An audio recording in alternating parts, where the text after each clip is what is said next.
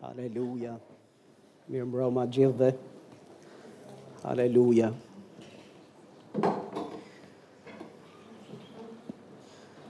Haleluja. Ati dashur në emër të Jezusit, ne t'japim ty lavdi, nder e pushtet.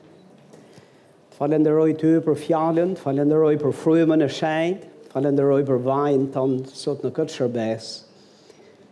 E në emër të Jezusit lutem që të na japësh sy për të parë, vesh për të dëgjuar e një zemër të butë për të pranuar fjalët e jetës. Faleminderit që fryma jote e çmuar sot do të shërbej. Do i shërbej tufës, do i shërbej Deleve tua, do i shërbej fëmijëve tu. Faleminderit që ti do ekspozosh mashtrimet e të ligut.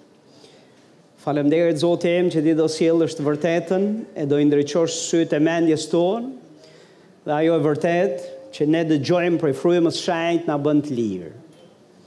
Unë të falenderoj ty që sot do e dëgjojmë të vërtetën, e vërteta do të na bëjë të lirë.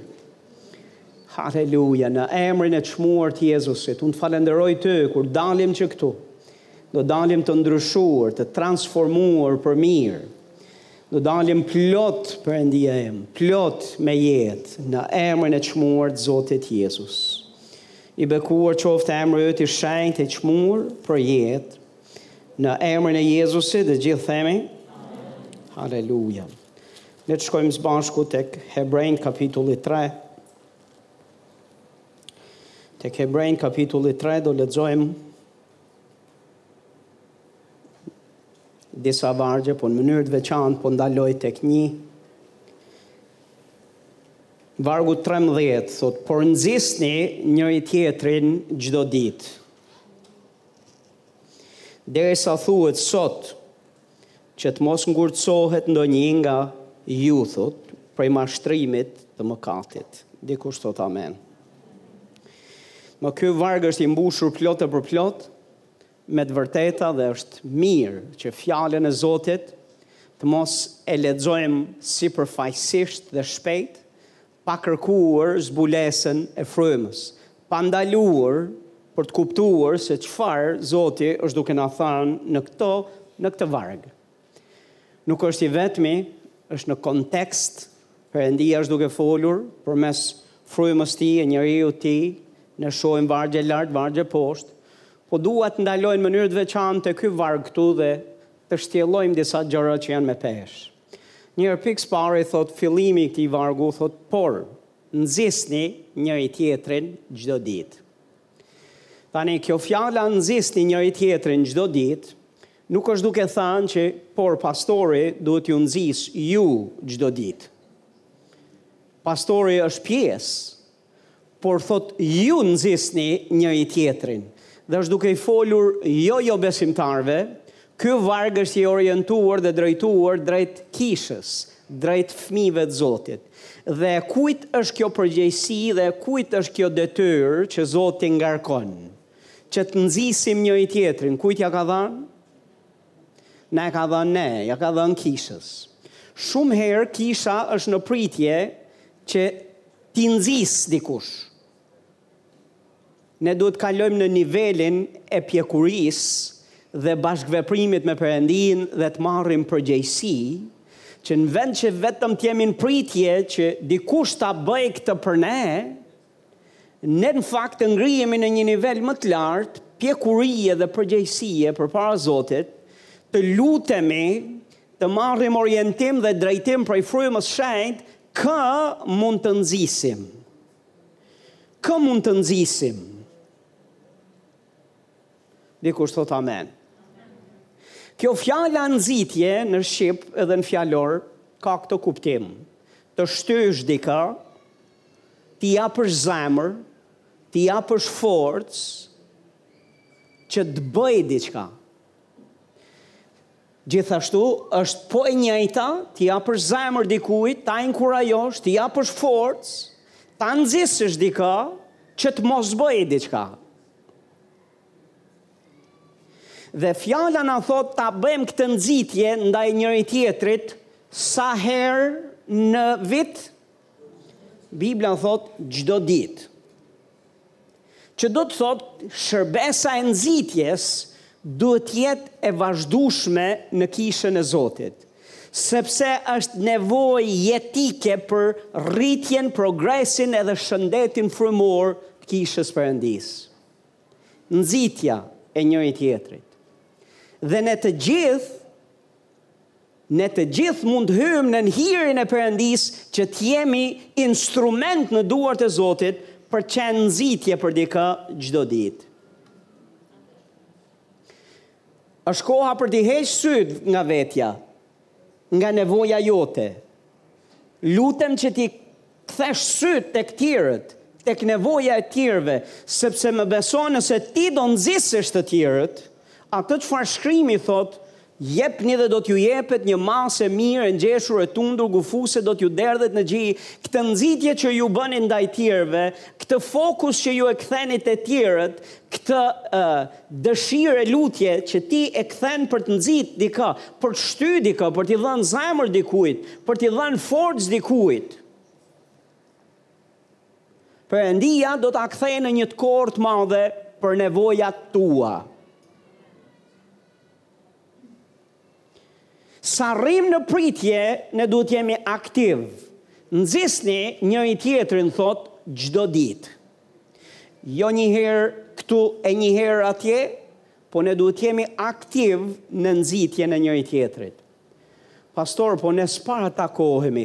Me ditët e sotme, pastor, në kohët në të cilat ne jetojmë, ku mënyrat e komunikimit janë kaq të mëdhaja, kaq të shumta, Kaq shumë dritare, mundësi, ura komunikimi, rrjete sociale, rrjete, lloj-lloj rrjetesh.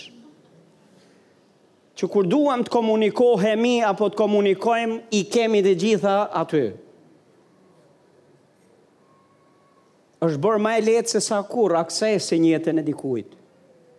Dhe në qoftë se do të arrish dikë, e arrin.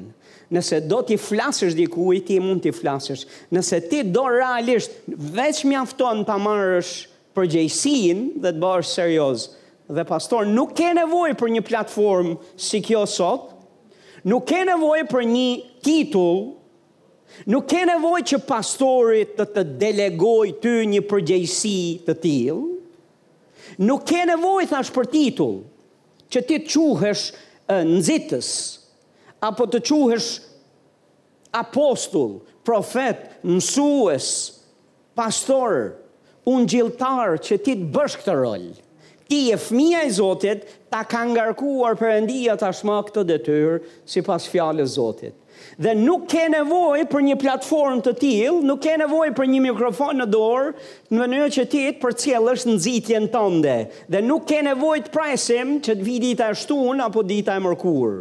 Çdo ditë Nëse duam, ne mund ta ushtrojmë këtë bekim, ne mund ta ushtrojmë këtë përgjegjësi përpara Zotit. Po pastor, po shumicën e kohës kur nuk je në podium, kur nuk ke një mikrofon, kur ka një, kur nuk ka njerëz të cilët vijnë nganjëherë të detyruar, të ulur për me dëgju, Si t'i nxis të tjerët? Pastor, fitoje. Fitoje këtë akses në jetën e njerëzve. Fitoje këtë hyrje, këtë besim në jetën e vëllezërve dhe motrave. Lufto, puno për të. Haleluja, kultivo marrëdhëniet me njerëzit në mënyrë që njerëzit të të besojnë ty dhe të të lejojnë që ti t'i nxisësh. Pastor unë përpiqem po njerëzit më largohen dhe më duk dhe dhe më shmangin dhe nuk duan të rrinë me mua dhe nuk dhe sa nisi të flas unë ata çuditërisht ndrojnë bisedë ose duan të ikin. Ekziston mundësia që ke nevojë ti të ndryshosh. Dhe lutju Perëndisë që të të bëjë një nxitës të aftë. Një nxitës që realisht je i aftë për me pas këtë lloj shërbese edhe për këtë lloj impakti në jetën e vëllezërve. Dikush thotë amen. Por thotë nxitni njëri-tjetrin çdo ditë. Dhe thotë derisa thuhet sot. Dhe shumicën e kohës besimtari njerëzit mendojnë që do ta bëj pastor nesër. Shkrimi thotë sot. Shkrimi thotë le të marrim përgjegjësi tani sot. Le ta marrim këtë këtë përgjegjësi. Ok, çfarë duhet bëjmë? Duhet t'nxisim thotë njëri-tjetrin çdo ditë. Derisa thuhet sot që të mos ngurtësohet ndonjë nga ju thotë prej mashtrimit mëkatit. Nxitja ka qëllim dhe nxitja është pikërisht ndaj vëllezërve dhe motrave që të mos u ndodhë kjo gjëja këtu, që të mos ngurtësohen nga mashtrimi i mëkatit. Kjo fjala ngurtësim në Biblën e Amplifikuar në thojza për ata që e kanë edhe aksesin gjuhën anglisht, mund ta kuptoni. Thotë fjala ngurtësim do të thotë të jesh në një gjendje rebelimi. Një zemër e ngurtë, një zemër e pandjeshme që është e dorëzuar në rebelim. Qa do të thotë të jesh e dorëzuar në rebelim? E dorëzuar në rebelim, çfarë do të thotë? Të dorëzuar do të thotë që ka heqë dorë, do të thotë që është lodhur, do të thotë që nuk bën asnjë përpjekje ma, do të thotë që nuk lufton ma për t'iu bindë Perëndisë, përkundrazi, ka heqë dorë komplet, është dorëzuar plotësisht, dhe ka vendosur që të qëndrojë në një gjendje mosbindjeje, moskokëçarje dhe rebelimi ndaj Zotit, ndaj Fjalës së Tij. Kjo gjëja këtu mund t'i ndodhë secilit prej nesh. Nuk është duke folë për jobesimtarët, këtu është duke folë për besimtarët. Dhe në këtë gjendje mund të hyjë dikush, por kush e ndihmon, kush është mënyra si Perëndia nuk lejon që dikush të bjerë në këtë, në këtë gjendje. Nxitja. Nxitja e vëllezërve. Shtyrja e vëllezërve, inkurajimi, dhënia zemër, dhënia forcë. Mos Ose këtej është rruga. Mos shko këtej, mos bëj këtë, bëj këtë, shko këtej. Sepse këto janë benefitet e bindjes.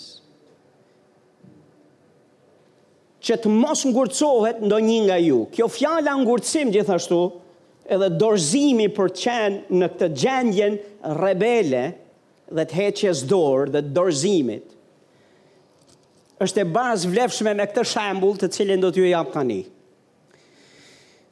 Gjarpri kur do kur do uh, të kapë prenë e vet. Kafshimet, kafshimi i vet i parë është helmues dhe paralizues. Kur ai kafshim kafshon prenë, Ça i ndodh presë është se paralizohet. Humbet forcën.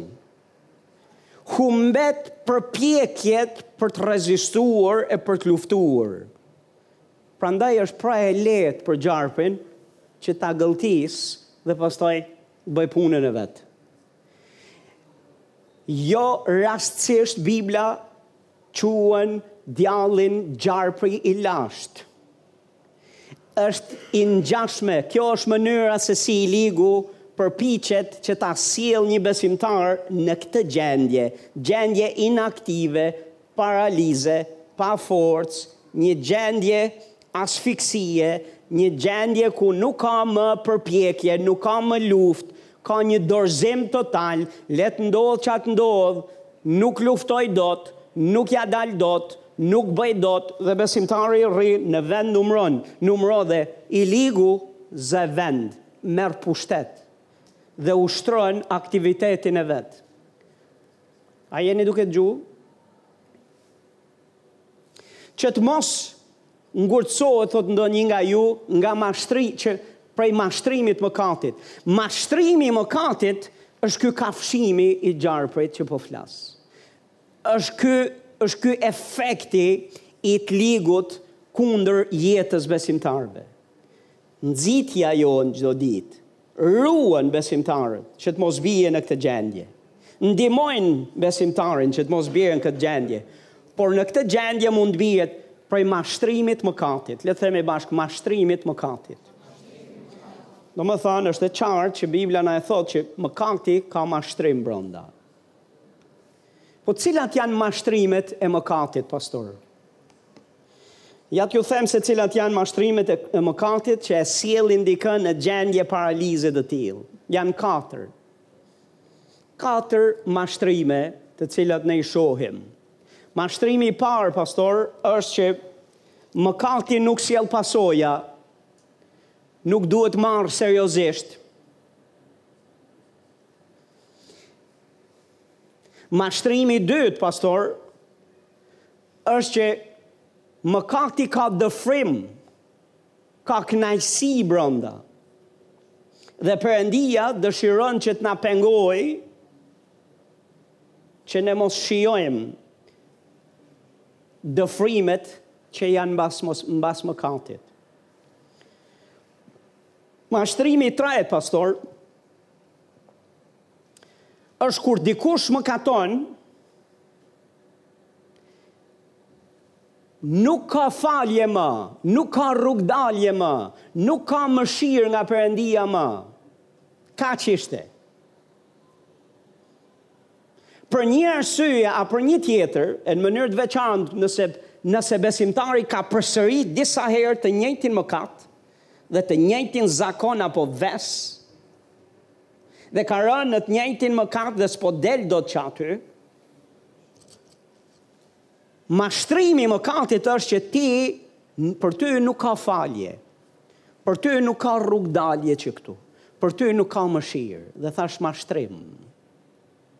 Mashtrimi i katërt pastor, mashtrimi i mëkatit është që ti kurrë nuk ke për t'u çliruar dhe për të dalë nga ky ves dhe nga varësia e këtij mëkati.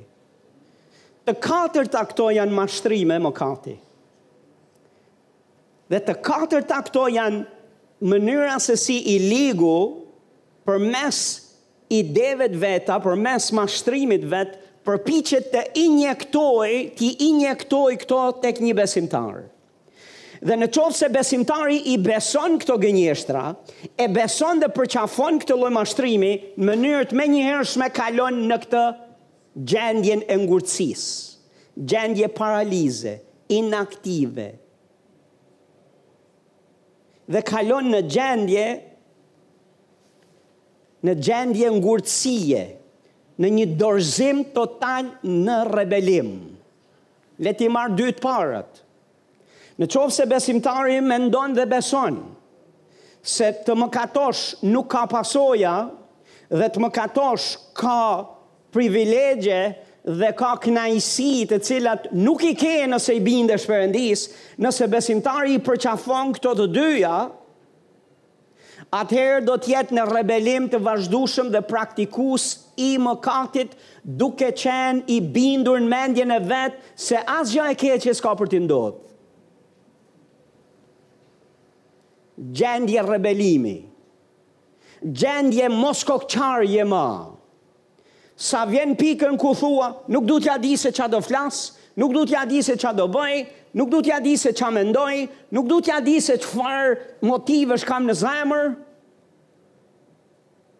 dhe nuk ka më frerë dhe frikë të Zotit për të bërë kthesë apo për t'u frenuar ndaj mëkatit.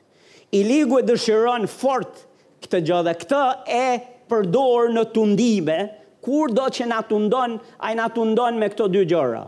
E para na servir idenë që nuk do ketë pasoja veprimi ynë, dhe e dyta kur ne bëjmë veprimin, ai gjithmonë na paraqet kënaqësi dhe na paraqet gjëra përpara, joshëse Për t'na tërhequr që ne të biem në mëkat. Këto janë dy të parët. Po dy të dytat, pastor? Dy të dytat kanë të bëjnë me këtë, pastor. Momentin që ke rënë në mëkat, është i njëjti djall i cili në fillim të shtyn të mëkatosh, pastaj kur mëkaton, Ai përpiqet të të mbyllë çdo lloj rrugëdalje, të të vjedhë shpresën e forcën deri të të bjerë në pikën ku ti nuk çohesh ma, ku ti nuk do të luftosh ma, ku ti nuk e sheh të arsyeshme ma as që të bësh përpjekjen më të vogël, sepse për ty ndryshimi është i pamundur. Për ty liria është e pamundur. Për ty çlirimi nga mëkati yt është i pamundur. Sepse Perëndia nuk ka falje më për ty. Dy të dytat janë në qoftë se ti ke mëkatuar, i ligu vjen me mashtrimin e mëkatit duke të përshpëritur në zemër në mendje e duke të thanë këto fjalë, që Zoti nuk të mëshiron më, nuk ka falje më për ty. Kaq ishte. Nuk ka më shpresë për ty. Në gjendjen që ti je, E dyta është që ti nuk je për të ndryshuar kurrë. Por këto janë mashtrime të mëkatit, pastor. Këto të dyja ça e bëjnë një besimtar? E bëjnë një besimtar me thanë, s'ka shpresë për mu. Të vjedhin forcën, të vjedhin energjinë, nuk përpiqesh ma për të jetu një jetë shenjtë, nuk lufton më për të për të pas mure mbrojtëse dhe për t'i rezistu mëkatit, je totalisht i dorëzuar, totalisht i ngurtësuar në gjendje rebelimi. Kjo është ngurtësia që i ndodh dikujt prej mashtrimit mëkatit. Antidota e mashtrimit është e vërteta. A jeni duke dëgju? Antidota e mashtrimit e kundërta është e vërteta. Jezusi tha ju do ta njihni të vërtetën dhe e vërteta do t'ju bëjë ju do ta njihni të vërtetën dhe e vërteta do t'ju bëjë. E vërteta është krejt e kundërt me këto që unë fola. E vërteta është kjo që po ka pasoja mëkati dhe duhet pasur frikë Perëndia. Dhe duhet ditur në shkrimet e shenjta pasojat që vijnë nga mëkati. Në qoftë se ju shihni në kishën e sotme, në kishën e sotme ka pafund mësime, e ka pafund shërbesa e predikime që cilësojnë dhe flasin shumë për hirin, hirin, hirin, hirin, hirin, dhe shkojnë në ekstrem për të dhënë idenë dhe pamjen se për besimtarët mëkati nuk është më problem dhe mëkati në qoftë se ti e bën nuk sjell pasoja, sepse ti je fëmija i Zotit, sepse ti je rilindur, sepse ti je një frymë, je një frymë me Zotin. Po më lini t'ju them që nuk është e vërtetë. E vërteta është krejt ndryshe. Je apo s'je besimtar, edhe je rilindur e fëmijë i Zotit, mëkati gjithmonë ka pasoja. Pasojat e mëkatit nuk kanë pushuar, së qeni pasoja mëkati pse besove ti. Kur praktikohet mëkati, mëkati gjithmonë është i lidhur me pasoja, gjithmonë është i lidhur me dëme të cilat vijnë si pasojë e atyre veprimeve. Jo pastor, e vërteta është Që ka dëfrim në mëkat. Dhe Biblia na flet që ka dëfrime në mëkat. Por ato dëfrime janë të përkohshme. Ka kënaqësi në mëkat, ndryshe njerëzit nuk mëkatojnë. Ka kënaqësi brenda, por ato kënaqësi janë kënaqësi të përkohshme. Gjithmonë vjen fatura mbasi ti ke shijuar kënaqësitë e mëkatit. Dhe fatura, besoni, është e rëndë. Gjithmonë është me pasoja të rënda. Gjithmonë është me pasoja të rënda dhe është shumë e rëndësishme që ne të nxisim, të shtyjmë, të paralajmërojmë njëri tjetrin që mos të mëkatojmë, po të jetojmë një jetë shenjtë e një jetë pastër përpara Zotit. Të ngrihemi të luftojmë, të rezistojmë, t'i bëjmë rezistencë mëkatit. Dhe mos t'i jepemi, mos të bëjmë kompromis, mos luajmë me mëkatin pastor për asnjë arsye, sepse është zjarr që djeg. E vërteta është pastor që mbasi ti ke mëkatuar, që mos ndodhtë që të mëkatojë, që të mëkatosh, Perëndia do të të mëshirojë Perëndia do të nisë punën e tij të restaurimit dhe të shërimit nga dëmet, shkatërrimi dhe problemet dhe sfidat dhe plagët që ti ke marrë për pasojë të mëkatit tënd. Perëndia të mëshiron, Perëndia të fal, Perëndia nis punën e restaurimit dhe të shërimit. Por ti nuk ke pse të shkosh në këtë stad ku të kesh nevojë për restaurim, të kesh nevojë për shërim, të kesh nevojë për mëshirën e Zotit, më mirë është të mësosh të bësh rezistencë këtu, që në fillim. Është njësoj, pastor, si një sobë e nxehtë, si një sobë e cila është, është e ndezur. Perëndia të thotë, ti mund t'i thuash fëmijës tënd, apo dikujt, mos e prek, sepse po e preke do digjesh.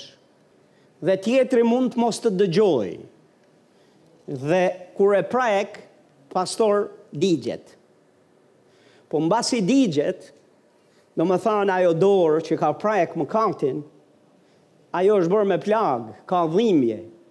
Dhe po, sigurisht që ka mundësi restaurimi e shërimi e me radhë. Perëndia ka falje, Perëndia ka mëshirë, gjithmonë ka një rrugë zgjidhje dhe një rrugë dalje. Dhe kur mëkatojmë dhe pastor besimtari nuk duhet largohet nga Zoti. Kur mëkaton, kur bie, besimtari duhet shkojë në fakt të vrapojë më shumë se kurrë në praninë e Zotit, e të hyjë në gjakun e Jezusit, të kërkojë ndjesë dhe falje para Perëndisë dhe të marrë mëshirën e Tij, sepse Perëndia e ka për ta. Më le të të them, thash, Perëndia e ka faljen dhe do e shohim në shkrime. Dhe gjithashtu, pastor, dua t'ju them që e vërteta është se është e mundur të jetojmë një jetë shenjtë, është e mundur që të jetosh pa mëkat, është e mundur që ti t'i rezistosh mëkatit, është e mundur që ti të thyesh prangat e varësisë nga vese edhe nga mëkate në jetën tënde, është e mundur në qoftë se ti do dhe në qoftë se ti i nënshtrohesh hirit të Perëndisë. Sepse Perëndia do ishte i padrejtë të na kërkonte llogari dhe të na nxiste që të heqim dorë nga ligësia, të heqim dorë nga paudhësia, ne që jemi thirrur në emrin e Krishtit, në qoftë se do ishte e pamundur. Nëse do ishte e pamundur që ne t'i bëjmë ballë e rezistencë mëkatit, pastor, do ishte e padrejtë nga ana e Perëndisë që ai të pretendojë që ne ia dalim. Dikush thotë amen. Le t'i marrim pak me radhë këto të vërteta të cilat jam duke fol dhe gjithashtu në këndvështrimin e mashtrimit të mëkatit. Marrim mashtrimin e parë, pastor. Mëkati nuk sjell pasoja dhe nuk duhet marrë seriozisht. Është e lidhur me dytën, mëkati ka kënaqësi dhe përfitimet që Perëndia na i ndalon. Hebrejt kapitulli njëmbëdhjetë vargu njëzet e katër thotë duke parapëlqyer të keqtrajtohet bashkë me popullin e Perëndisë, ky është Moisiu, thotë se sa të gëzonte për një farë kohe dëfrimet e mëkatit. Ça është duke thënë? Mëkati ka dëfrime, po ka dëfrime të përkohshme. Nuk janë dëfrime që zgjasin, gjithmonë sjellin pasoja. Pastor, ka pasoja. Zanafilla tre vargu një do ju lexoj se si i ligu e prezanton këtë mashtrim për mëkatin pikësëpari tek Eva dhe më pastaj edhe tek Adami. Gjarpri thotë ishte më dinaku ndër gjitha bishat e fushave dhe Zoti Perëndi kishte që ki Zoti Perëndi kishte krijuar dhe i tha gruas a ka thënë me të vërtetë Perëndia mos hani nga gjitha pemët e kopshtit dhe gruaja iu përgjigj gjarprit nga fruti i pemëve të kopshtit mund hamë por nga fruti i pemës që është në mes të kopshtit Perëndia ka thënë mos hani dhe mos e prekni ndryshe do të vdisni Atëherë Gjarpri i tha gruas, Ju s'keni për të vdekur aspak, të themi bashkë, ju s'keni për të vdekur aspak. Çfarë kishte thënë Perëndia, në qoftë se ju hani nga kjo pemë, ju keni për të vdekur me siguri. Çfarë tha i ligu? Jo, nuk ke për të vdekur aspak. Me pak fjalë, mosbindja ndaj Fjalës Zotit, mosbindja ndaj Perëndisë, që është mëkat, nuk ka për të sjellë pasojat që Perëndia flet, që Fjala e Zotit flet. Kjo është gënjeshtër e vjetër, pastor. Është mashtrim i vjetër. Dhe fatkeqësisht Eva u kafshua nga ky e besoi këtë lloj mashtrimi. Dhe prandaj edhe iu dha mëkatit. Shifni se çfarë thotë pak vargu pesë, por Perëndia thotë e di që ditën që do t'i hani, sytë tuaj do të hapen dhe do të jeni në gjendje si Perëndia të njihni të mirën edhe të keqen. Djalli, kundimi i dytë është që ka kënaqësi mbas mëkatit. Ka gjëra që janë të rezervuara, të penguara, të ndaluara nga Perëndia që janë të mira për ju. Që në qoftë se ju nuk i bindeni, në qoftë se ju hani nga pema, ju do t'i shijoni ato. Ka knaqësi dhe gjithmonë i ligu kur tundon, tundon përmes mashtrimeve të tilla. Nuk ka pasoja mëkati dhe ka knaqësi. Pastor, ka knaqësi të përkohshme dhe më le të të them që ka pasoja dhe ka pasoja të rënda. Le të shikojmë në shkrime disa prej këtyre pasojave shpejt e shpejt. Mëkati na ndan nga bashkësia me Perëndinë. Gjithmonë ndikon në marrëdhënien tonë me Perëndinë dhe ai që mendon se nuk ndikon, gënjen veten sepse real, realiteti është krejt e kundërta. Isaia pesëdhjetë e nëntë, vargu një deri në dy, thotë këtë, Ja dora e Zotit nuk është tepër e shkurtër për të shpëtuar, as veshi i tij nuk është tepër i rënduar për të dëgjuar. Por paudhësitë tuaja kanë shkaktuar një ndarje mes jush dhe Perëndisë tuaj, dhe mëkatet tuaja kanë bërë të fshihet fytyra e Zotit prej jush, që të mos ju dëgjojë më. A e dëgjuat këto fjalë? O, pastor, po kjo është në testamentin e vjetër. Po, pastor, le të shkojmë në të riun. Se disi besimtarët në mendjen e vet kanë idenë se Perëndia është i njajtë, dje, sot dhe përgjithmonë. Perëndia nuk ndryshon kur vjen puna, për Jehova Ire, Perëndia që siguron për nevojat tona, Jehova Rafa, Perëndia që shëron sëmundjet tona, Jehova Nisi, Perëndia që është fitorja jonë, na jep fitore në jetë. O, oh, haleluja, ai është shpengusi ynë, ai është shërusi, ai është mbrojtja jonë, ai është çlirusi ynë. Po, për këtë Zoti nuk ka ndryshuar, po kur vjen puna për standardet e shenjtërisë së tij, disi në mendjen tonë, Ne kemi një lloj relativizmi, një lloj mendimi tolerant, një lloj mendimi që ka ndryshuar nga Testamenti i Vjetër në të Riun. Po më leni t'ju them, Perëndia nuk ka ndryshuar natyrë. Nuk ka ndryshuar Perëndia kur Jezusi vdiq në drurin e kryqit. Jezusi nuk vdiq për të shpëtuar e konvertuar atin Perëndi, për ta bërë që të jetë më i butë e më i qetë e më i dashur dhe më tolerant dhe më i kuptueshëm ndaj mëkatit. Zoti Jezus vdiq për shpëtimin tonë, për shfajsimin tonë, për çlirimin tonë nga mëkati, dhe që ne të vim në standardet e Zotit, e të jetojmë një jetë sipas pëlqimit të tij të shenjt, sepse ai është i shenjt. Jo, ai nuk ka ndryshuar, është i njëjt. Dhe siç është i njëjt për gjërat që na interesojnë, është i njëjt edhe në këtë gjë. në kërkesën e vet. Dhe në qoftë se në Testamentin e Vjetër mëkati ndikonte direkt marrëdhënien e Perëndisë me njerëzit e popullin e vet dhe sillte ndarje, sillte një mur pengues dhe ndarës, e njëjta gjë ndodh sot pastor. E para e Gjonit kapitulli 1 vargu 5 deri në 10, le të shkojmë në Testamentin e Ri meqë Po flasim për këto. Dhe ky thotë është mesazhi që dëgjuam nga ai dhe po jua shpallim juve. Perëndia është dritë dhe në të nuk ka kurrfarë errësire. Po të themi se kemi bashkësi me të dhe ecim në errësirë ne gënjejmë dhe nuk e vemë në praktikë të vërtetën. Por po të ecim në dritë sikurse ai është në dritë, kemi bashkësi njëri me tjetrin. Dikush thotë, Amen. Në ky shkrim është duke folur, Gjoni është duke thënë, ne ju shpallim atë mesazh që dëgjuam dhe pamë. Perëndia është dritë dhe në të nuk ka kurrfarë errësire. Po të themi se kemi bashkësi, kemi bashkësi, afri me Perëndinë. por ecim në errësirë në qoftë se ne pretendojmë se jemi në bashkësi të shëndoshë, në intimitet dhe miqësi të shëndoshë, në një lidhje të shëndoshë me Perëndinë, në një marrëdhënie të shëndoshë me Perëndinë, nëse ne pretendojmë dhe themi, ja themi vetes e ja u themi tjerëve, se jemi në bashkësi edhe në, në një marrëdhënie pajtimi, marrëdhënie lidhje të ngushtë, me Perëndinë, por nga ana tjetër jemi praktikues të pa, të të, të gënjeshtrës. Nuk praktikojmë të vërtetën dhe ecim në errësirë, Bibla thotë gënjejmë po kë gënjejmë. Lini t'ju them se kjo është gënjeshtra më e madhe që dikush mund të ketë. Kjo është forma më e lartë e gënjeshtrës. Se është një gjë të të gënjejnë tjerët. Po është një gjë krejt tjetër të gënj, të gënjesh ti veten. Dhe ta besosh gënjeshtrën tënde. Të besosh se çdo gjë është okay, kur çdo gjë s'është okay.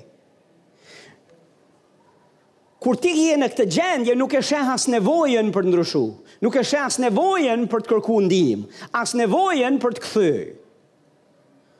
Unë lutem që mos i ndodhë askujt kjo lloj gjendje.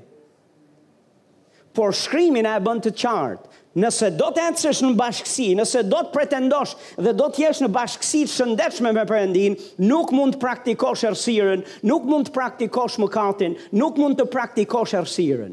Nuk mund të ecësh në errësirë dhe të pretendosh se për, me, je duke ecë me Perëndinë, se Perëndia ka komplet një korsi tjetër. Korsia e Perëndisë është dritë, Praktikimi i të vërtetës gjithë kohës. Dhe kush do të ecë me të, nuk mund të ecë në korsinë e errësirës, duhet me kalu në korsinë e dritës. Dikush thot amen.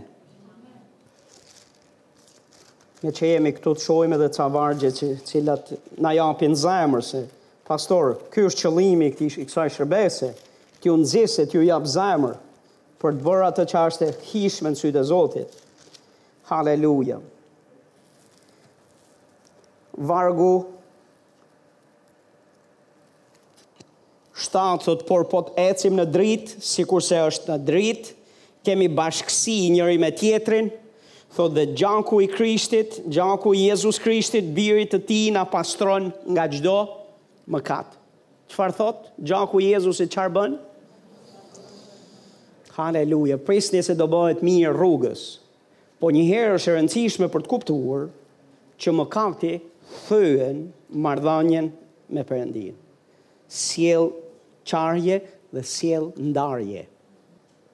Le të shohim një një të vërtetë tjetër për mëkatin, a ka pasoja. Mëkati i jep vend Dhe të drejtën të veprojë djallit në jetën tënde. Mëkati, thashë, i jep të drejtën ose i jep vend djallit të veprojë në jetën tonë. Efesianët 6, vargu 26 dhe 27, thotë, zemërohuni dhe mos mëkatoni. Le ta themi bashkë, mos mëkatoni. Dielli thotë mos perëndojë mbi inatin tuaj dhe mos i jepni vend djallit. Mos i jepni hapësirë, pushtet, të drejtë djallit që të veprojë. Gjoni dhjetë dhjetë thotë vjedhësi vjen për të vjedhur, për të vrarë dhe për të shkatërruar. Por thotë unë kam ardhur për t'ju dhënë jetë dhe për t'ju dhënë atë me bollëk. Vjedhësi vjen. Vjedhësi vjen, shkatërruesi vjen, vrasësi vjen, po kur vjen bën mirë ta gjejë derën e hekurt të mbyllur dhe mos të jepet asnjë shans, mos të jepet asnjë liri që edhe drejtë që të veprojë. Mëkati i hap derën. Mëka, mos mëkatoni, thotë shkrimi, këto vargje janë të lidhura bashkë. Mos mbani inat, sepse është mëkat, mos shfry inat. Zemërohu, po mos mëkato, thotë Bibla. Zemërohu me të ligun, mos u zemëro me njeriun. Zgjidh zemërimin e llojin e zemërimit Perëndisë. Këtu në mënyrë të veçantë është duke fol për mëkatin e zemërimit, po çdo lloj mëkati i jep vend të ligut. Dhe shkrimi thotë, ju mos i jepni vend të ligut. Mëkati i jep ka vend, i jep hapësirë. Dhe pastor kur mëkaton, diçka të është vjedh. Diçka është vrarë, diçka është shkatërruar. Dhe shumicën e kohës gënjeshtra e madhe që njerëzit e Zotit kanë mendje është se mendojnë vdekjen, pasojën fatale, vdekjen fizike. Vdekja fizike për ta është gjëja, gjëja e, e madhe, pasoja e madhe. Dhe për sa kohë s'e kam këtë pasojë, këto të tjerat, po mungesa e gëzimit në jetën tënde, po mungesa e, e paqes në jetën tënde, po tortura në mendje, po frika, po ankthi, po ndjesia e fajit, po ndjesia e turpit, po, po dobësimi në forcë, Po shuarja e zjarrit dhe jetës që Zoti të ka dhënë, këto janë gjëra të cilat janë ja vlen për t'ia dhënë drejtën t'ligut t'i vjedhë dhe vrasë. Po gjithë ato bekime që Perëndia ka impartuar me vite në jetën tënde, zbulesa pa fund që Zoti t'i ka dhënë, që t'jesh bekim për tjerët, po atë hir dhe vaj që Zoti ka derdh mbi ty, ja vlen t'ia hapësh derën t'ligut t'i vjedhë dhe vrasë? Apo duhet të jetë pasojë jeta jote derisa të vdesësh fizikisht dhe atëherë kjo po. Jo pastor, gjithmonë kur mëkatohet, diçka dëmtohet. Kur vendos dorën në zjarr, gjithmonë ka për t'u djegë. Tani është tjetër gjë kur ti e nxjerr dhe ti mund të shkosh për te mjeku dhe nis restaurimi, e nis shërimi, e është që është proces e do, do kohë. Dhe mund të kthehen disa gjëra. Thashë, mund të kthehen disa gjëra. Po nuk është mirë të luhet me to, sepse po ka disa gjëra që mund të kthehen, po ka disa gjëra që nuk kthehen ma. Dhe ne shohim në shkrime këtë pjesë. Mëkati vë në lëvizje vdekjen, pastor. Aktivizon vdekjen. aktivizon vdekjen, mund të vijë në një formë a në një tjetër. Romakët gjashtë, njëzet e tre, paga e mëkatit është vdekja, mëkati ka pagë. Por, dhuntia e Perëndisë, ose dhurata e Perëndisë, është jeta e përjetshme në Jezus Krishtin, Zotin tonë. O, pastor, po ne jemi në Krishtin, jemi në Zotin tonë, po, pastor. Shumë e vërtetë, është e drejtë. Po për shkak se jemi në Krishtin, kjo nuk na jep ne të drejtën që të mëkatojmë, sepse mëkati ka këtë lloj page gjithmonë. Kur ti qëndron në Krishtin dhe je i nënshtruar nën Krishtin dhe i bindesh atij, pastor jeta e përjetshme do të aktivizohet. Po kur ti del nga ai dhe ti praktikon mëkatin, aktivizon vdekjen. Dhe thash nuk është e thanë patjetër me pasoja që ti të pushon zemra. Dhe shumë kjo është një gënjeshtër e madhe dhe shumë njerëz Zoti mendojnë a shef nuk më pushoi zemra. Unë mëkatova dhe s'më ndodhi gjë. Unë mëkatova dhe s'më ra s'kam hy n'koma. Pastor, ke aktivizu vdekjen, pastor. Ke aktivizu disa gjëra të cilat të çojnë drejt vdekjes. Mëkati sjell prishje, degradim edhe shkatërrim. Galatasit 6, vargu 7 deri në 8. Mos u gënjeni, Perëndia nuk vihet dot në lojë, sepse ç'të mbjellë njeriu. Sa njerëz kemi këtu? Çfarë mbjell njeriu? Dhe Bibla nuk bën dallim mes njeriut që është në Krishtin dhe njeriut që është jashtë Krishtit këtu. Mjafton të jesh njeri. Thotë Perëndia nuk vihet në lojë sepse çfarëdo gjëje që mbjell njeriu, atë edhe do ta korrë. Sepse ai që mbjell për mishin e tij do të korrë nga mishi i tij prishje.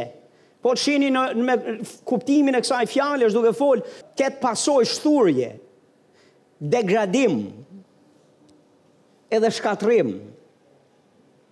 Thotë, ai që mbjell për mish të tij do të korrë nga mishi i tij prishje, por ai që mbjell për frymë do të korrë nga fryma jetën e përjetshme.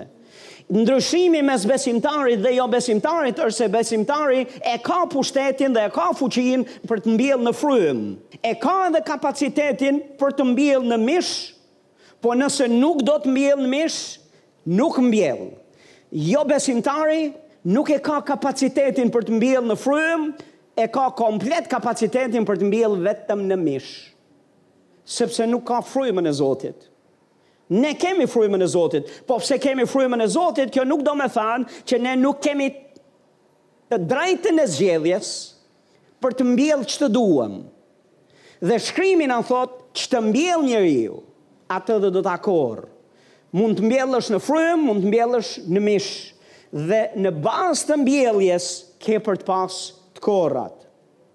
Nëse mbjell në mish, që do të thotë mbjell mëkat, mbjell mosbindje, rebelim, mbjell gjëra që nuk duhet, kanë për t'sjellë gjithmonë një të korrë, të padëshirueshme, prishje, degradim, edhe shkatërrim në fund. Dhe thotë Perëndia nuk vihet në lojë. Ça mbjell njeriu? Perëndia nuk është nuk tregon anësi. Dhe kjo është një ligj i Perëndisë i cili është i njëjtë për gjithë njerëzit. E di mbaj mend një herë një mësues Bible i cili erdhi një herë dhe, dhe donte të mësonte kishën, e donte të na mësonte, dhe të thoshte që këto vargje nuk i aplikohen shenjtorve të Zotit. Këto vargje nuk janë për besimtarin. Besimtari mund të mbjellë në mish, po nuk korr pasojat e mbjelljes vet, sepse është fëmijë i Zotit dhe Perëndia nuk lejon që ato pasoja të vijnë mbi ta. Pavarësisht se çfarë mbjell. Wow, duhet vërtet ta shtrëmbrosh të vërtetën e Biblës fort që ti të nxjerrësh një lloj llumi të kësaj natyre.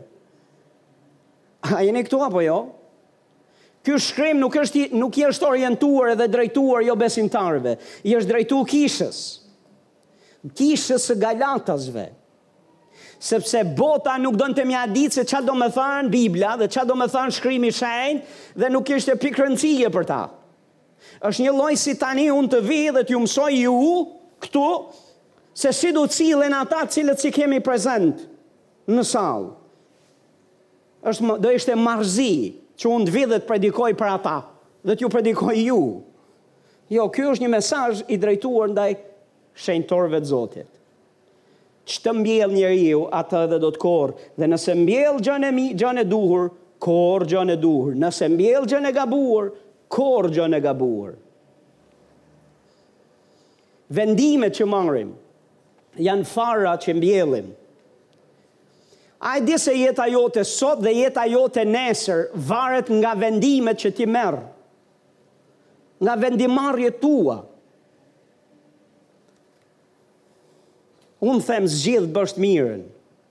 Mos u lodh së bëri të mirën, siç thotë Bibla, sepse në kohën e vet ti do të marrësh shpërblimin e Zotit, e korra e Zotit do të vijë për ty, e dëshiruara prej Teje dhe e dëshiruara prej Perëndisë. Besimtari nuk nuk është i përjashtuar nga të bërit, i përjashtuar nga e drejta për të zgjedhur çfarë do të thotë, çfarë do të bëjë, si do mendojë. Në fakt, Ne na është dhënë pushteti që Të mbjellim drejt. Të mbjell, ta vemë në punë për mirë këtë ligj. Çfarë bën tjetër mëkati? Mëkati pengon lutjet, pastor. Po të kisha ruajtur të keqen në zemrën time, Zoti nuk do të më kishte dëgjuar. Ë nëse do e kisha rujt mëkatin të keqe në zemrën time, ça do ishte pasoja? Zoti thotë nuk do të më kishte dëgjuar. E para e Gjonit tre vargu nëntëmbëdhjetë deri njëzet e dy thotë dhe nga kjo ne dimë se jemi në të vërtetën dhe do t'i bindim zemrat tona para Atij, sepse po të na dënojë zemra jonë, Perëndia është më i madh se zemra jonë dhe njeh çdo gjë. Shumë të dashur, nëse zemra jonë nuk na dënon, kemi siguri para Perëndisë dhe çfarë kërkojmë e marrim nga Ai. sepse zbatojmë urdhërimet e tij dhe bëjmë gjërat që janë të pëlqyera prej tij. Nëse duam që të dëgjohen lutjet tona, nëse duam që të marrim prej tij dhe të kemi sigurinë se ai na dëgjon, Ne duhet të bëjmë vullnetin e Tij, duhet të zbatojmë urdhërimet e Tij, të bëjmë gjërat e pëlqyera prej Tij dhe të bindim zemrën tonë se jemi duke e bërë atë gjë çfarë Zoti thotë. Pastaj lutja jonë do të dëgjohet. Po nëse zemra jonë na dënon, Bibla thotë Perëndia është më i madh se zemra jonë. Çfarë është duke thënë me këtë? Është duke thënë që ne Zoti na ka dhënë ndërgjegje. Zoti na ka dhënë zemrën brenda dhe zemra jonë jep gjitha sinjalet se çfarë lloj jete jemi duke bërë. Dhe në qoftë se zemra është e trazuar dhe nuk është në prehje dhe të dënon se ka gjëra që nuk shkojnë me ty, kjo nuk është gabim, nuk ke pse, nuk është mallkim, Pse zemra është duke të folur dhe është duke pse ndërgjegja është duke të folur. Ndërgjegja është bekim nga Perëndia brenda nesh. Sepse sinjalizon në ne çfarë duhet bërë mirë e çfarë s'duhet bërë mirë, çfarë po bëjmë mirë e çfarë po bëjmë keq. Dhe në qoftë se zemra thotë të dënon, Perëndia është më i madh. Me pak fjalë nëse zemra jote ka standarde shenjtrie deri këtu, Perëndia është shumë më lart saqë. Dhe në qoftë se ti nuk kalon dot as standardet e vetëgjykimit tëndë dhe zemrës tënde për qenë paqe, imagjino të Perëndisë. Dhe është shumë e rëndësishme që t'i kushtojmë vëmendje, që të sigurohemi që ndërgjegja, që zemra jo nuk na dënon, që na na është duke i dëshmu zemrës tonë, është duke na dëshmuar për brenda se ne po bëjmë gjëra që i pëlqejnë atij, po zbatojmë urdhërimet e tij. Dhe kur ne bëjmë këtë, dëgjohen lutjet tona. Kur ne bëjmë të kundërtën, lutjet tona nuk dëgjohen, sepse s'mund të kemi siguri përpara tij. Nuk mund të jemi të bindur, nuk mund të shkojmë me konfidencë para Perëndisë. Pse? Sepse ka gjëra që na dënojnë. Ka gjëra që na thonë ti je i padenjë, ti je i papastër, ti je i pashenjtë. Dhe të bëhen pengesë. Shumë e rëndësishme që ndërgjegja jonë, e zemra jonë të jetë në paqe me Zotin. Dhe ajo zemër nuk mund të jetë në paqe me fjalë boshe, po gjithmonë me veprime, me vepra. Zemra t'lexon veprat. që bën ti. Dhe kur veprat janë dakord me zbatimin e fjalës, e urdhërimeve të Zotit dhe bën gjërat e pëlqyera tij, zemra hyn prehje. Momentin që ti thyn, zemra del jashtë kësaj prehje. Nuk e di për ju, unë kam 30 vjet gati në besim, po i mbaj mend ato herët e para, fillimet e para të mia në Zotin. ku akoma nuk kisha dëgjuar, akoma s'kisha mësuar se çfarë thotë Bibla, ça i pëlqen Zotit dhe ça s'i pëlqen. Po kishte disa ras, disa gjëra të cilat kur unë i bëja, ndihesha i trishtuar përbrenda. Dhe më vonë kam kuptuar se, oh, kjo gjëja këtu nuk i pëlqeka Zotit, sepse qenka shkruar në shkrim. Po më përpara ishin këto ndjesitë e brendshme. Perëndia ka pastruar ndërgjegjen tonë dhe është shumë e rëndësishme ta ruajmë ndërgjegjen tonë me kujdes dhe ta dëgjojmë zërin e ndërgjegjes tonë. Ju flas një herë tjetër për to. Po mëkati pengon lutjet dhe të vjedh forcën dhe sigurinë përpara Perëndisë. Deshë me dit a ka pasoja mëkati? Patjetër. Mëkati sjell mungesë paqeje, gëzimi dhe sjell mundim edhe ankth. Romakët 2 vargu 9, mundim dhe ankth thotë mbi çdo shpirt njeriu. Që bën të keqen ose të ligën. Judeut më përpara, pastaj shqiptarit. Apo e ka grekun. Shqiptarin e ka të përjashtuar. Tani, nëse na ka përjashtu, duhet të hyjmë jo në kategorinë e njerëzve. Po unë mendoj se jemi në kategorinë e njerëzve, dhe mes judenjve edhe grekve ne jemi me ta. Nuk jemi të përjashtuar. Dhe çdo shpirt njeriu, a është në Krishtin a është jashtë Krishtit. Kushdo që bën të ligën, çfarë do të përjetojë? Mundim dhe ankth, stres pastor. Depresion pastor. U. Okej, pastor, se këto dyja këto fjali përfshin këto dyja që thashë. Me tjera fjala, është anormale për kishën, për besimtarët të jenë në ankth, të kenë ankthe, të jenë të munduar, të jenë të stresuar, të jenë në depresion, të kurohen me mjekime, me mjekime njerëzore për, depres, për probleme depresive. është anormale, pastor. Po në qoftë se bëjmë të mirën, nëse bëjmë atë ça i pëlqen Perëndisë, pastor, nuk do jenë këto pasoja. Këto pasoja janë pasoja të dikujt që bën të ligën. A je duke thënë që unë jam duke bërë të ligën dhe jam duke bërë gjëra të këqija dhe jam duke mëkatu që kam këto lloj problemesh dhe sfidash? Jo gjithmonë, pastor. Dhe nuk jam duke mësuar këtu për këtë gjë këtu, jo gjithmonë, sepse ka, ka uh, shtypje, Biblia quen, fja, nxjerr fjalën shtypje që vjen nga i ligu.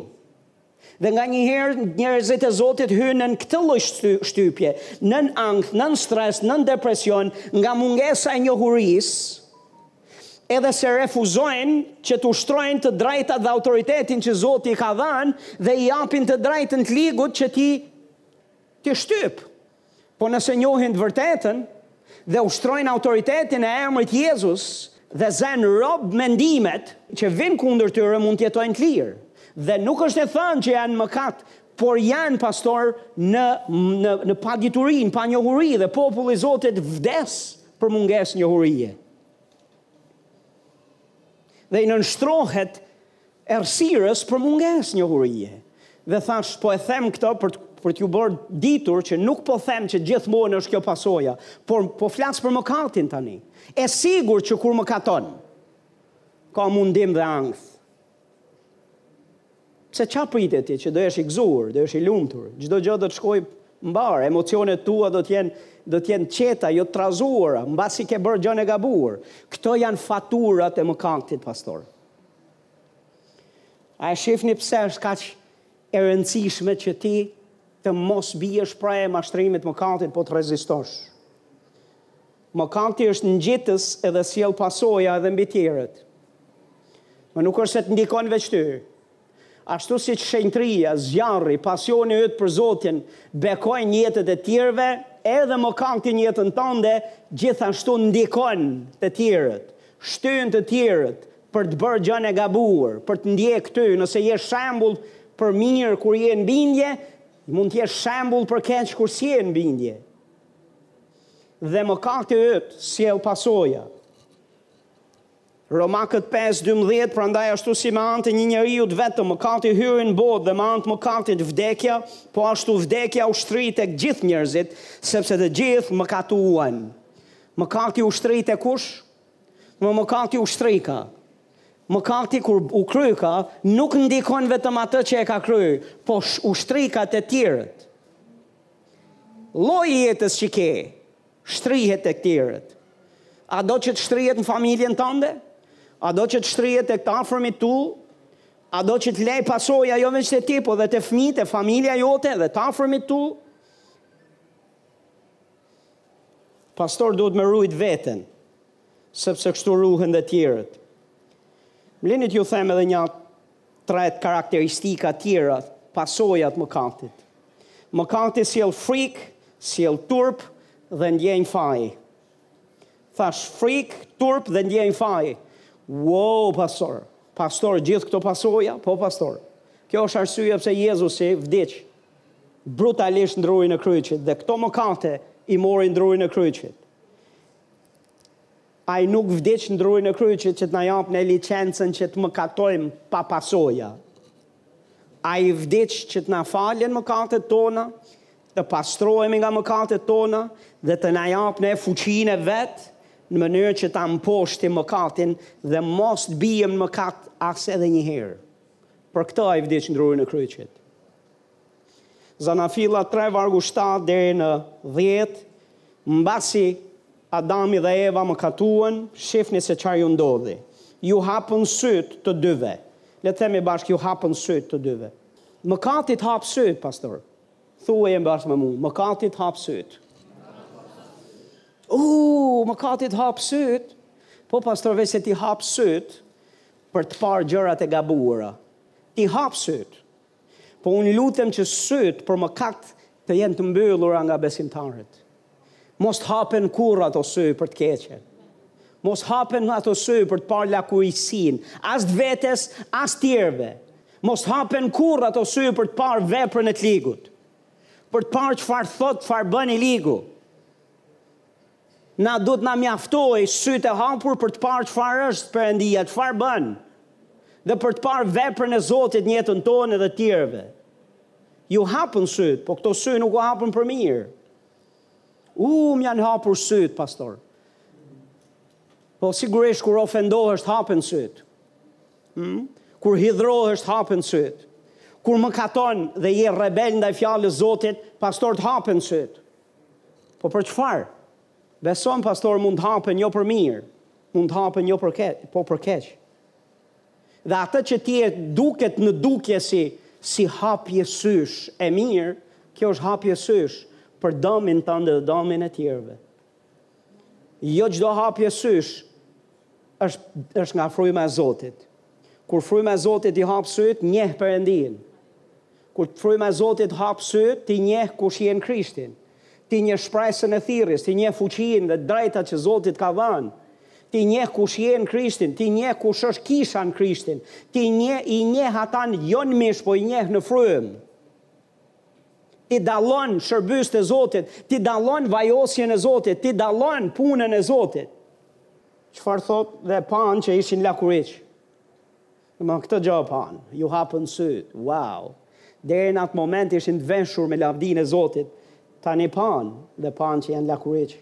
Kështu, thotë, ata qepën gjethe fiku dhe bënë breza për t'u mbuluar. Pastaj dëgjuan zërin e Zotit Perëndi që shëtiste n'kopësht në flladhin e ditës, dhe burri dhe gruaja e tij u fshehën nga prania e Zotit Perëndi, midis pemëve të kopshtit, dhe Zoti Perëndi thirri njeriun dhe i tha, Ku je? Ai u përgjigj, Dëgjova zërin tënd në kopësht dhe pata frikë, se isha lakuriq dhe u fsheha. Ndjesia e fajit, ndjesia e turpit, frika. Dhe menjëherë në këtë gjendje shohim që njeriu shkoi për t'u fshehur nga Zoti. Mëkati gjithmonë do të të tërheqë të fshihesh. do të të përpiqet të të nxjerrë, të të largojë nga prania e Zotit. A janë pak pasoja këto, të cilë për të cilat Bibla flet për mëkatin? Mendoj se duhet marrë seriozisht, mendoj se nuk duhet pas një mendje e lehtë, mendoj se duhet të jemi nën frikën e Zotit dhe të jemi rezistent e të luftojmë, të jemi aktiv, mos biem pre e ngurtësimit, e të menduarit, kësaj mash, këtij mashtrimi, kësaj gënjeshtre, që unë mund të bëj gjithçka, unë mund të them çdo gjë, unë mund të sillem si dua, unë mund të jetoj një jetë pa kërpesh, pa frerë, pastor. Me pak fjalë të kemi frerë. E duhet frenojmë, duhet kemi frikën e Zotit. Dhe jo, jo, jo, jo. Jo, pse jemi në Krishtin, kjo nuk do të thotë që për ne ka liri për mëkatin. Bibla thotë kush është thirrur në emrin e Zotit, kush ka thirrur emrin e Zotit, le të largohet nga çdo paudhësi. Këtë thotë Timoteu. Dikush thotë amen. Po kur mëkaton gënjeshtra e dytë, pastor, më falni e treta i bie se dy të parat ne nuk shohim se ka kënaqësi zbavitje në mëkat apo. Ka një lloj zbavitje momentin, përkohshme, po kur vijnë gjithë këto pasojat këtu, këto janë më afatgjatë. Pastor, këto janë më afatgjatë. Lajmi i mirë është pastor që Zoti ynë ka mëshirë. Zoti ynë ka falje. Dhe Zoti ynë ka rrugë dalje dhe rrugë zgjidhje për ne. Dikush thotë amen. Thashë dikush thotë amen. Romakët 8 vargu 35 deri në 35. 33 deri në 35 thotë kush do t'i padisë të zgjedhurit e Perëndisë? Perëndia është ai që i shfajëson. Le të themi bashkë, Perëndia është ai që i shfajëson. Thotë, Kush është ai që do t'i dënojë? Krishti është ai që vdiq, por për më tepër u ringjall, ai është në të djathtën e Perëndisë dhe ndërmjetëson për ne. Kush do të na ndajë nga dashuria e Krishtit? Rrjeshton një seri gjërash, përfundimi është asgjë. Dhe ky është himni i fitores. Dhe ky himn fitore tregon për mëshirën e dashurinë e madhe që Perëndia ka për ne, që edhe kur biem në mëkat, Ai ka këtë lloj qasje ndaj nesh. Ai ka këtë lloj qasje thash ndaj nesh. Na është djeg dora, për këtë s'kemi ça bëjmë, se e kemi prek gjënë e gabuar, por kur e heqim dorën, ai është mjeku ynë. Ai është i interesuar ta marrë atë dorë e ta shërojë e restaurojë përsëri, të të ngrejë përsëri në këmbë edhe të të forcojë edhe të të aftësojë që mos e prekësh sobën më, që të mos mëkatosh më. Ai të fal, siç bëri me gruan e cila kishte kryer tradhti bashkëshortore dhe dhe u soll përpara në turp publikisht për t'u poshtruar dhe vrarë me gurë, ai e fali, por i tha në fund shko e mos mëkato më. Një tjetri i tha shko, mbasi e shëroi, dhe mos mëkato më, që të të mos bëhet një gjë më e keqe se sa kjo që të ka ndodhur. Dhe la të ditur që mëkati ka pas, kishte sjellë ato pasoja dhe i tha shko jeto një jetë të shenjtë tani dhe të pastër, në mënyrë që mos shkosh në një gjendje më të rëndë se ç'ke qenë më përpara. Ama ai është i interesuar për të falur e për të dhënë mëshirë. Kush do t'i padisë thotë të zgjedhurit e Perëndisë? Perëndia është ai që i shfajëson. Perëndia është shfajësuesi yt, është shfajësuesi ynë. Kur ti mëkaton, ai është i interesuar të të falë. Ai nuk është i interesuar të të dënojë dhe nuk do dënimin tënd. Nuk do që ai nuk është nga ata që mezi ka prit që ti të biesh, mezi ka prit që ti të mëkatosh, që të të dënojë. Jo, thotë, Krishti është ai që vdiq. Për çfarë vdiq? Për mëkatet tona. Për më tepër thotë, ai është ringjallur, që do të thotë e mposhti tunduesin, mposhti vdekjen, e mposhti mëkatin. Por thotë gjithashtu, ai është në të djathtën e Perëndisë dhe ndërmjetëson për ne. Për çfarë ndërmjetëson? Ndërmjetëson për të mirën tonë, për falje, për hir e për mëshirë. Bibla thotë gjaku i Jezusit flet më mirë se i Abelit. Nëse gjaku i Abelit flet për hakmarrje, dënim dhe për derdhje të zemërimit të Perëndisë, për hakmarrje, sepse u vra dhe u derdh ai gjak i pafajshëm, gjaku i Birit të Perëndisë flet për shfajësimin tonë, flet për faljen tonë, flet për lirinë tonë nga dënimi. E kush do të na ndajë nga dashuria e Krishtit? Asgjë, sepse ai ka siguruar tashmë përmes vdekjes, varrosjes dhe ringjalljes së tij një rrugë ku edhe sikur të jemi të zhytur kokë e këmbë në mëkat, nëse ne bëjmë gjënë e duhur, nëse ne vijmë në praninë e tij të penduar dhe rrëfejmë mëkatet tona, pastaj ai do të na falë e do të na pastrojë nga çdo paudhësi. Nuk është alternativë largimi nga Zoti. Nuk është alternativë që ti të shkosh edhe ti të bësh vetëgjyqësi dhe të dënosh veten. Nuk falesh nga nga ndjesia e fajit dhe vetëdënimi. Nuk falesh nga lotët e tu të stërgjatur dhe dënimi yt dhe shprehja e një fytyre të të rënduar. Jo, Perëndia nuk të jep faljen për shkak të asnjë nga këtyre veprimeve. Të jep faljen vetëm përmes besimit tek gjaku i Birit të Tij. Gjaku i Birit të Tij pastron nga çdo mëkat. Besimi tek ky gjak, besimi tek rruga e Tij sjell shfajësim e sjell falje. A ka falje Perëndia, a ka rrugëdalje, nuk ka rëndësi në ç'gjendje e gjen veten pastor. Mbaj mend djalin plangprishës. Djali plangprishës u largua nga i ati, bëri gjithë atë jetë të shthurur, e gjeti veten në fundin e gropës, por kur erdhi në vete dhe u kujtua, u pendua dhe u kthye, u pranua, u restaurua dhe u shërua përsëri. Ky është Ati yt. Ky është Perëndia yt. Çfarë thotë Jakobi 5, vargu 15 deri në 16, dhe lutja e besimit do ta shpëtojë të smurin dhe Zoti do ta mëkëmbë, dhe nëse ka bërë mëkate ato nuk do t'i falen. Kështu thotë Bibla apo jo? Nëse ka bërë mëkate çfarë do t'i ndodhë? Do t'i falen. Domethënë në qoftë se ne lutemi me besim, Perëndia jo veç që shëron, Po gjithashtu edhe fal. Rrëfejini fajet njëri-tjetrit, thotë, dhe lutuni për njëri-tjetrin, që të shëroheni. Shumë fuqi ka lutja e të drejtit kur bëhet me gjithë shpirt. Ça duhet të bëjmë? Rrëfejini fajet njëri-tjetrit. Lutuni për njëri-tjetrin, thotë, që të shëroheni. që të faleni, të merrni mëshirën e Zotit dhe të shëroheni. Dhe do ta merrni, thotë, shumë fuqi ka lutja e të drejtit. Domethënë, rrëfimi i mëkatit veç ndaj njëri-tjetrit, sjell ka shërim. Imagjinoni atë çfarë e para e Gjonit një shtatë deri nëntë, thotë, por po të ecim në dritë, sikurse ai është në dritë, kemi bashkësi me njëri-tjetrin, dhe gjaku i Jezusit, birit të tij, na pastron nga çdo mëkat. Le të themi bashkë na pastron nga çdo mëkat. Kjo fjala na pastron nga çdo mëkat është duke thënë na pastron nga mëkatet e kaluara, të tashme edhe ato që ti s'i ke bë akoma. Po që Perëndia ka siguruar faljen para se ti të mëkatosh.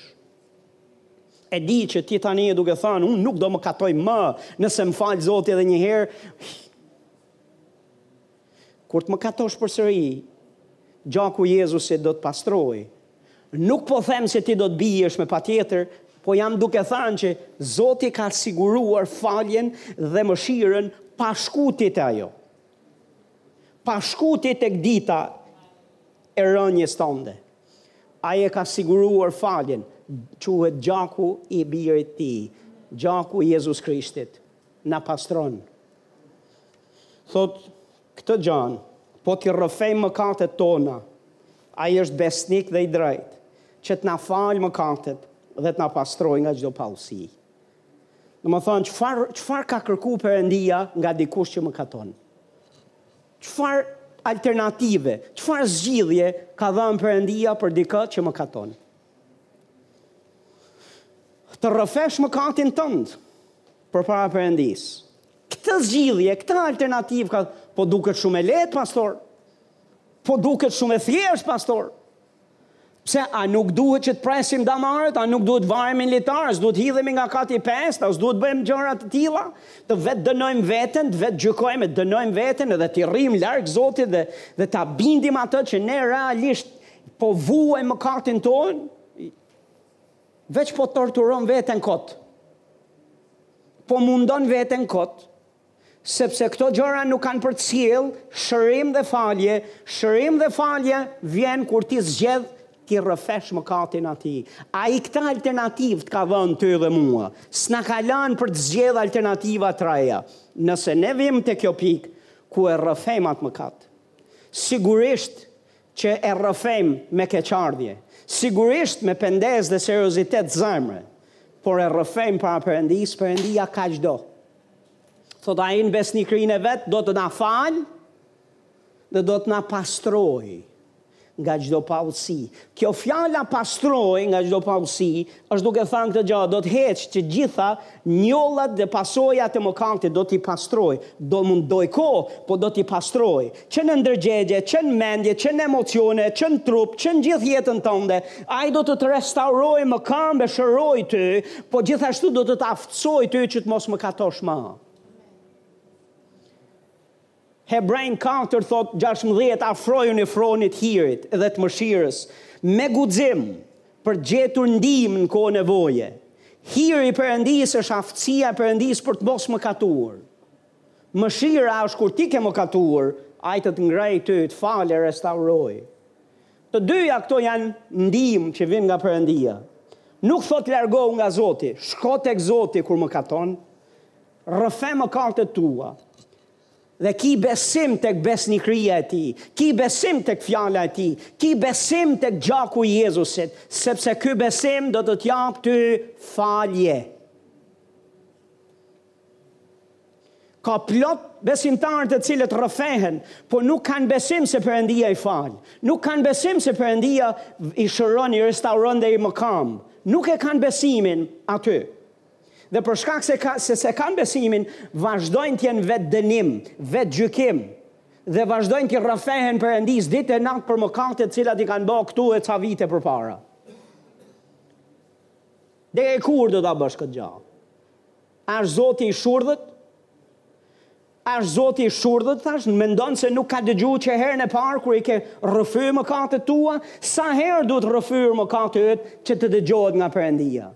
Në çfarë forme, me lot pa lot, me zë pa zë, shtrirë në këmbë, me thes, me thëngji, pa thëngji, pa thes, me thes. Pastor, rrëfe mëkatet tua, kaq ka dashur ai një herë dhe ki besim Ki besim se Ai e dëgjon lutjen tënde, e dëgjon rrëfimin tënd, e pranon rrëfimin tënd sepse ka thënë Fjala e Tij. Dhe nëse Atij i mjafton gjaku i Jezusit, Atij i mjafton rrëfimi yt, atëherë të lutem ti mos e bëj veten më të madh se Ai. Ti fale veten, mos dëno veten më, hiq dorë nga vetëgjyqësia, hiq dorë nga vetëdënimi, mos le askënd të të dënojë edhe të të poshtrojë ty poshtë, ngreje kokën lart e ec përpara me besim se Perëndia të ka falur. Po nga ta di unë o pastor, nga ta di se më fali? Sepse Bibla thotë. Për të njëjtën gjë, të cilën ne gjithmonë themi sepse Bibla thotë, sepse shkrimi thotë. Dhe nëse ti bën pjesën tënde, nuk di që Perëndia të mos ketë bërë kurrë pjesën e vet. Ai gjithmonë është besnik. Ai të fal dhe të pastron nga çdo paudhësi. Jo pastor, mos e ble gënjeshtrën e të ligut, mos prano gënjeshtrën e mashtrimin e mëkatit që të thotë që për ty s'ka dalje, s'ka falje, s'ka mëshirë Zoti. Kësaj here, këtë mëkat, të cilin ti e përsërite, e përsërite, e përsërite, e përsërite, e përsërite, e përsërite, e përsërite, oh, haleluja. Oh, haleluja. Romakët tetë, por shpresa nuk turpëron, le të themi bashkë shpresa. Zoti do ta mbushë me shpresë zemrën pastor, me pritje. Shpresa nuk zhgënjen, nuk turpëron. Dashuria e Perëndisë është derdhë në zemrat tona me anë të frymës së shenjtë që na është dhënë. Zoti ka dhënë frymën e shenjtë, ka dhënë dhe dashurinë e tij në ty. Po vargu gjashtë thotë sepse ndërsa ishim akoma pa forcë, Për t'u çuar n'kamë, për të rezistuar mëkatit, kur ti ishe i vdekur n'mëkat. Krishti vdiq n'kohën e tij për të paudhët, për ty. Më i paudhë se ç'ke qenë para se të vije te Jezusi, nuk je sot që je i Jezusit. Se minimumi e ke vu naj kamë n'udhë naj herë. Minimumi e ke shiju naj herë të ecurit n'udhë. Vështirë në fakt se vdes dikush për një të drejtë, mbase ndonjë do të guxonte të vdiste për një njeri të mirë. Por Perëndia e tregon dashurinë e tij ndaj nesh në atë që kur ende ishim mëkatarë, Krishti vdiq për ne. Shumë më tepër pra, duke qenë tani, tani, tani të shfajësuar. Në gjakun e Tij do të shpëtojmë nga zemërimi me anë të Tij. Për shkak të gjakut të Jezusit. Haleluja, jemi të shfajësuar. Tani, në qoftë se u shfajësuam atëhere, Pali është duke thënë kishës, është duke thënë sa ma tepër tani. Nëse Krishti vdiq dhe na deshi atëherë, kur ne ishim në mëkat, të vdekur në paudhësitë tona, dhe s'dinim as se ça është udha, sa ma tepër tani, jemi të shfajësuar, dhe ai do që të kemi këtë lloj shprese në zemrën tonë, dhe ai do që zemra jonë të ketë këtë lloj pritje. Nuk është normale që besimtari të humbasë shpresën për mëshirën e Zotit dhe për faljen e Zotit. Kurrë, kurrë nuk do ta humbasësh, sepse ai ka dashuri të madhe për ty. Në fakt, ndërsa ishim armiq, u pajtuam me Perëndinë nëpërmjet vdekjes së Birit të Tij, akoma më shumë tani që jemi pajtuar, do të shpëtohemi nëpërmjet jetës së Tij. Pastor, kjo është pritja jonë. Ka shpresë. Ka falje, ka mëshirë. E katërta dhe e fundit për sot, gënjeshtra, mashtrimi i mëkatit, është që ti nuk çlirohesh dot dhe nuk fiton dot mbi mëkatin. Kështu që meqë ti nuk ja del dot, dorëzohu, hiq dorë. Shfrenohu. Nëse besimtari bie pre e këtij mashtrimi, pastaj s'ka më frerë në gojë, s'ka më frerë në motive, s'ka më frerë në veprime, s'ka më frerë në ka moskokëçarje komplet në gjërat që bën. Pse? Sepse ka humbur shpresën se mund të ndryshojë. Ka humbur shpresën se lufta e tij do të ketë rezultat. Dhe në mënyrë të veçantë nëse ka mëkate të përsëritura. Zakonisht dështimet dhe mëkatet e përsëritura i ligu i kthen në fortesa dhe i kthen në, në mashtrime të forta dhe përpiqet të japë mesazhin që kot lodhesh, kot mundohesh, ti kurrë s'do t'ja dalësh, ti kurrë s'ke për të fituar. Po më le të të them, mos hiq dorë, mos u dorëzo. Mos të të lëshojë zemra. Mos e humb zemrën, dua të të nxis, dua të të shtyj, dua të të jap zemër. Dua të të them që mundesh t'ia dalësh, ti mund të fitosh me anë të Krishtit që të jep forcë. Ti mund të bësh çdo gjë me anë të Krishtit që të jep forcë. Është e mundur të jetosh i shenjtë, është e mundur të fitosh mbi mëkatin, është e mundur që ti të thyesh prangat e këtij cikli varësie, vesesh e mëkati. Është e mundur të dalësh që aty. Mund të dojë kohë, mund të biesh, mund të rrëzohesh, Po unë them çohu, mos u dorëzo, mos u tërhiq mbrapa, mos hiq dorë, lufto, mos u pajto me mëkatin, mos u pajto me këtë gjendje. Çohu prapë në këmbë, çohu prapë në këmbë, çohu shko tek gjaku i Jezusit, shko prapë në praninë e Zotit, shko e kërko hirin e Tij, sepse ti mund t'ia dalësh. Thashë Perëndia do ishte i padrejtë të na kërkonte llogari apo të na kërkonte që ne të jetojmë të shenjtë nëse do ishte e pamundur.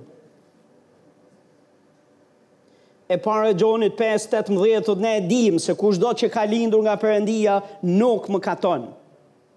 Ai që ka lindur nga Perëndia e ruan veten e tij dhe i ligu nuk e prek atë. Ti je i lindur nga Perëndia. Ti ke frymën e shenjtë përbrenda teje.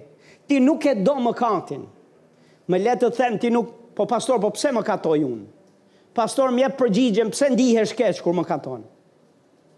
Më jep këtë përgjigje ti, edhe pastaj të të jap përgjigjen pse mëkaton ti. Ti mëkaton sepse je i dobët në besim. Ti mëkaton sepse ka mungesë lutje në jetën tënde. Ti mëkaton sepse ka mungesë fjalë të Zotit brenda teje. Dhe s'ka gjë që të ruan ty Ti nuk ke frikën e Zotit, e cila mësohet dhe mund t'ia nënshtrosh veten. Ti ke nevojë për forcë e ripërtrirje të forcave tua në Zotin. Pastor, për shkak të dobësisë së mishit, ti ke rënë dhe bie. Po a e more përgjigjen? Po pse ndihesh keq? Ndihesh keq se je i lindur nga Zoti. Ndihesh keq se ke frymën e Zotit brenda teje. Ndihesh keq sepse ti e di se kjo nuk është gjëja që të ka hije ty. Ke lind nga Perëndia. Dhe ai që ka lind nga Perëndia nuk e do mëkatin. Nuk e do.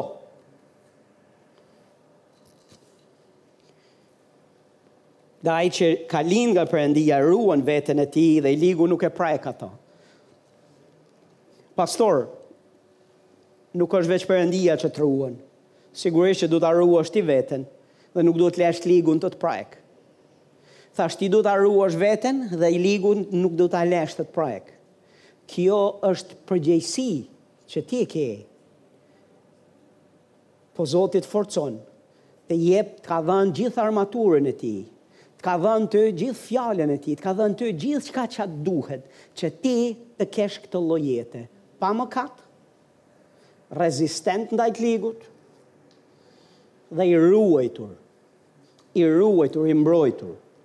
Ky është vullneti i Zotit. E para Korintasve dhjetë vargu trembëdhjetë, Asnjë tundim nuk ju ka gjetur juve përveçse tundimi njerëzor, por Perëndia është besnik, nuk do të lejohet që t'ju tundojnë përtej fuqive tuaja. Me tundimin do t'ju japë një rrugëdalje që ju ta përballoni. Kjo është e vërteta e fjalës së Zotit. Domethënë, kur vjen tundimi që ti të mëkatosh, nuk është përtej fuqive tua, Perëndia do të të japë rrugëdalje që ti ta përballosh, jo të biesh, po ti ta përballosh. Po pse bie, pastor?